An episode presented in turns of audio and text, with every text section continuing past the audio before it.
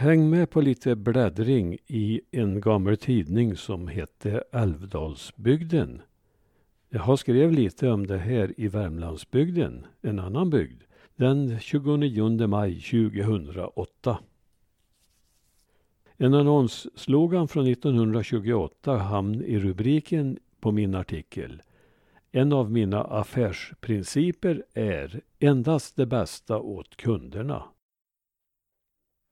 Under en kort period i slutet av 1920-talet fanns en tidning som hette Älvdalsbygden. Den hade säte i Sunne men utgivningsområdet var Råda, Ekshärad, Norra Ny, Dalby, Södra och Norra Finnskoga socknar. I Ekshärad fanns lokalredaktör J. Sam, troligen Samuel, Englund. I Ambjörby P.L. Björk och i Sysslebäck den allestädes närvarande Ante Ante. Jag har bläddrat i 1928 års årgång, kanske den enda som fanns, och framförallt tittat efter vad det är för annonser som förekommer i de 80 år gamla numren. Älvdalens bäst sorterade affär lovar bröderna Einer i Ambjörby att de har. Likaså att man i deras affär gör sina uppköp fördelaktigast. Och visst verkar det vara ett litet varuhus de har med byggnadsmaterial, glas, porslin, skor, galoscher, specerier, manufaktur, sybehör och garn. Ett liknande varuhus har Emil Larsson i Likenäs som från 1 januari inför kontanthandel. Han lämnar också några prisexempel i sin annons. Socker, bit och topp 0,65 kronor kilot. Strösocker 0,60 kronor kilot. Rågsikt 0,43 kronor kilot vetemjöl 0,40 kronor kilot och amerikanskt fläsk 1,65 kronor kilot. En annan välkänd handlare, Bengt Lindov i Slättne, meddelar att man bäst gör alla slags julinköp i hans affär. Om man bor i Stöllet går man med fördel till S. Kårfält. Annars finns det år 1928 två affärer i Västanberg som har det mesta inför julen. Firma E. Hedin, Eriksberg, Västanberg har allt för julbordet och alla slags julklappar.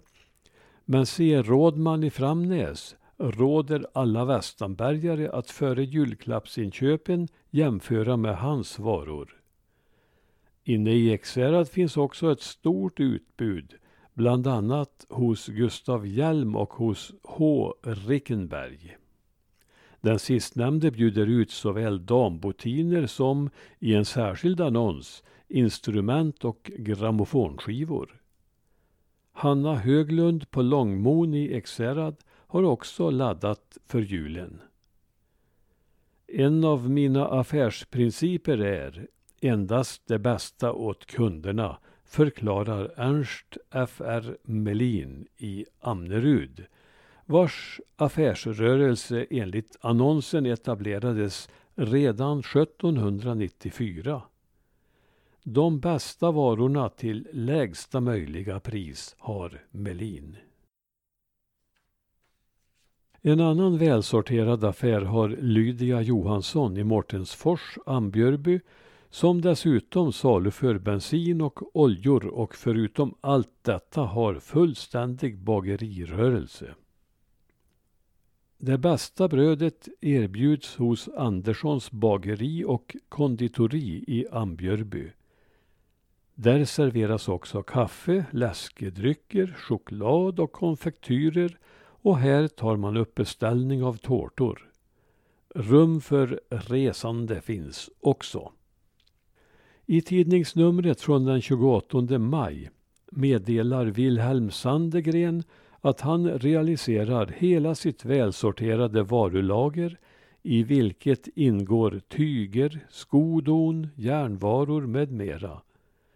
Om detta beror på att affären eventuellt upphör framgår inte av annonsen. Upphör gör i alla fall C.O. Holmgrens affär i Stöllet vid samma tid. Där säljs lagret av järnvaror ut på grund av detta. De kooperativa butikerna har nu en blomstringstid och i en samlingsannons från juli meddelas att man i samtliga butiker tillhandahåller klädningstyger och kostymer, hattar och mössor samt skor, barn-, dam och herrmodeller. Kooperationen erbjuder också läsarna att försäkra sina liv i kooperationens försäkringsanstalt, Folket. Cyklar är högsta mode och en Crescent av 1928 års modell slår alla tidigare rekord i fråga om elegans, hållbarhet och lätt gång. I Ambjörby säljs dessa fortskaffningsmedel av Edvard Persson och i Sysslebäck av J Stjärnlöv. Den sistnämnde annonserar också om motorcyklar av märke AJS, Harley, Husqvarna och Rudge. För den som vill åka mer bekvämt erbjuder Torsten Norbeck i Ekshärad Volvobilar. Från Gunnargården i Sysslebäck annonserar Axelia Johansson om en riklig sortering av allt som hör till en välsorterad manufakturaffär. Där finns kappor, hattar, skinnmössor, kappdräkt och klädningstyger, sybehör, siden och sammet. Skinnvaror från Malung finns också hos E.J. Fröman i Uggenäs som är ombud för Norra Klarälvdalen.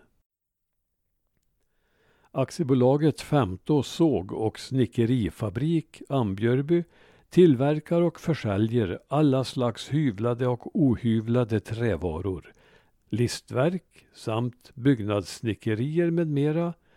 Och vid Ulvhedens garveri i Stöllet tar man emot hudar och skinn till olika beredning. Även banker annonserar i Älvdalsbygden. Allmänna Sparbanken i Värmland med kontor i Ekshärad, Ambjörby, Likenäs och Sysslebäck erbjuder inlåningsränta på 4 till 4,5 procent. Anders Lövberg i Karlstad gör reklam för kaffe och för honom tycks ju reklamen ha lyckats. Redan 1906 startade han sitt kafferosteri tillsammans med två bröder och 1927, året före denna annonsering, blev han ensam ägare. Rörelsen blomstrar som bekant fortfarande.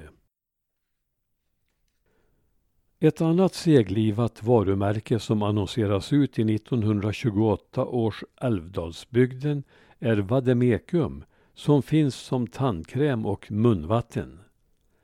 Luxor Radio kan köpas hos Stöllets elektriska installationsaffär och hos Bengt Lindov. Detta varumärke är vid den här tiden ganska nytt och har ett 70-tal levnadsår kvar.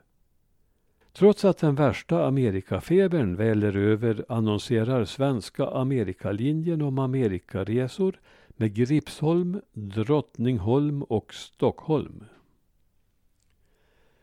Nöjesutbudet är ännu mycket begränsat. I nöjesannonseringen märks biograferna, främst Ambjörby Folkets hus, men även Sysslebäcksbiografen och Backa Dalby ordenshus. Några filmtitlar är Ben Hur, Faust, Bohem och Kärlekens gyckelspel. Resande teatersällskap förgyller tillvaron ute i glesbygden och på Sysslebäcksbio framförs det ryska dramat Roten och upphovet till allt och komedin Lars Jonsa och hans käring. Innan radion ännu blivit var mans egendom upprätthålls folkbildningen delvis genom föreläsningar i högst olika ämnen. Dalby föreläsningsanstalt anordnar i Hole folkskola och i ordenshusen i Backa och Brannäs föreläsningar av docent Hilding Peijel om karoliner i rysk fångenskap och om anskarkristendomens pionjär i Norden. Intressant är också att tidskriften Finnbygden aviserar ett tolvsidigt julnummer med, just det, Ante Ante i Sysslebäck som redaktör.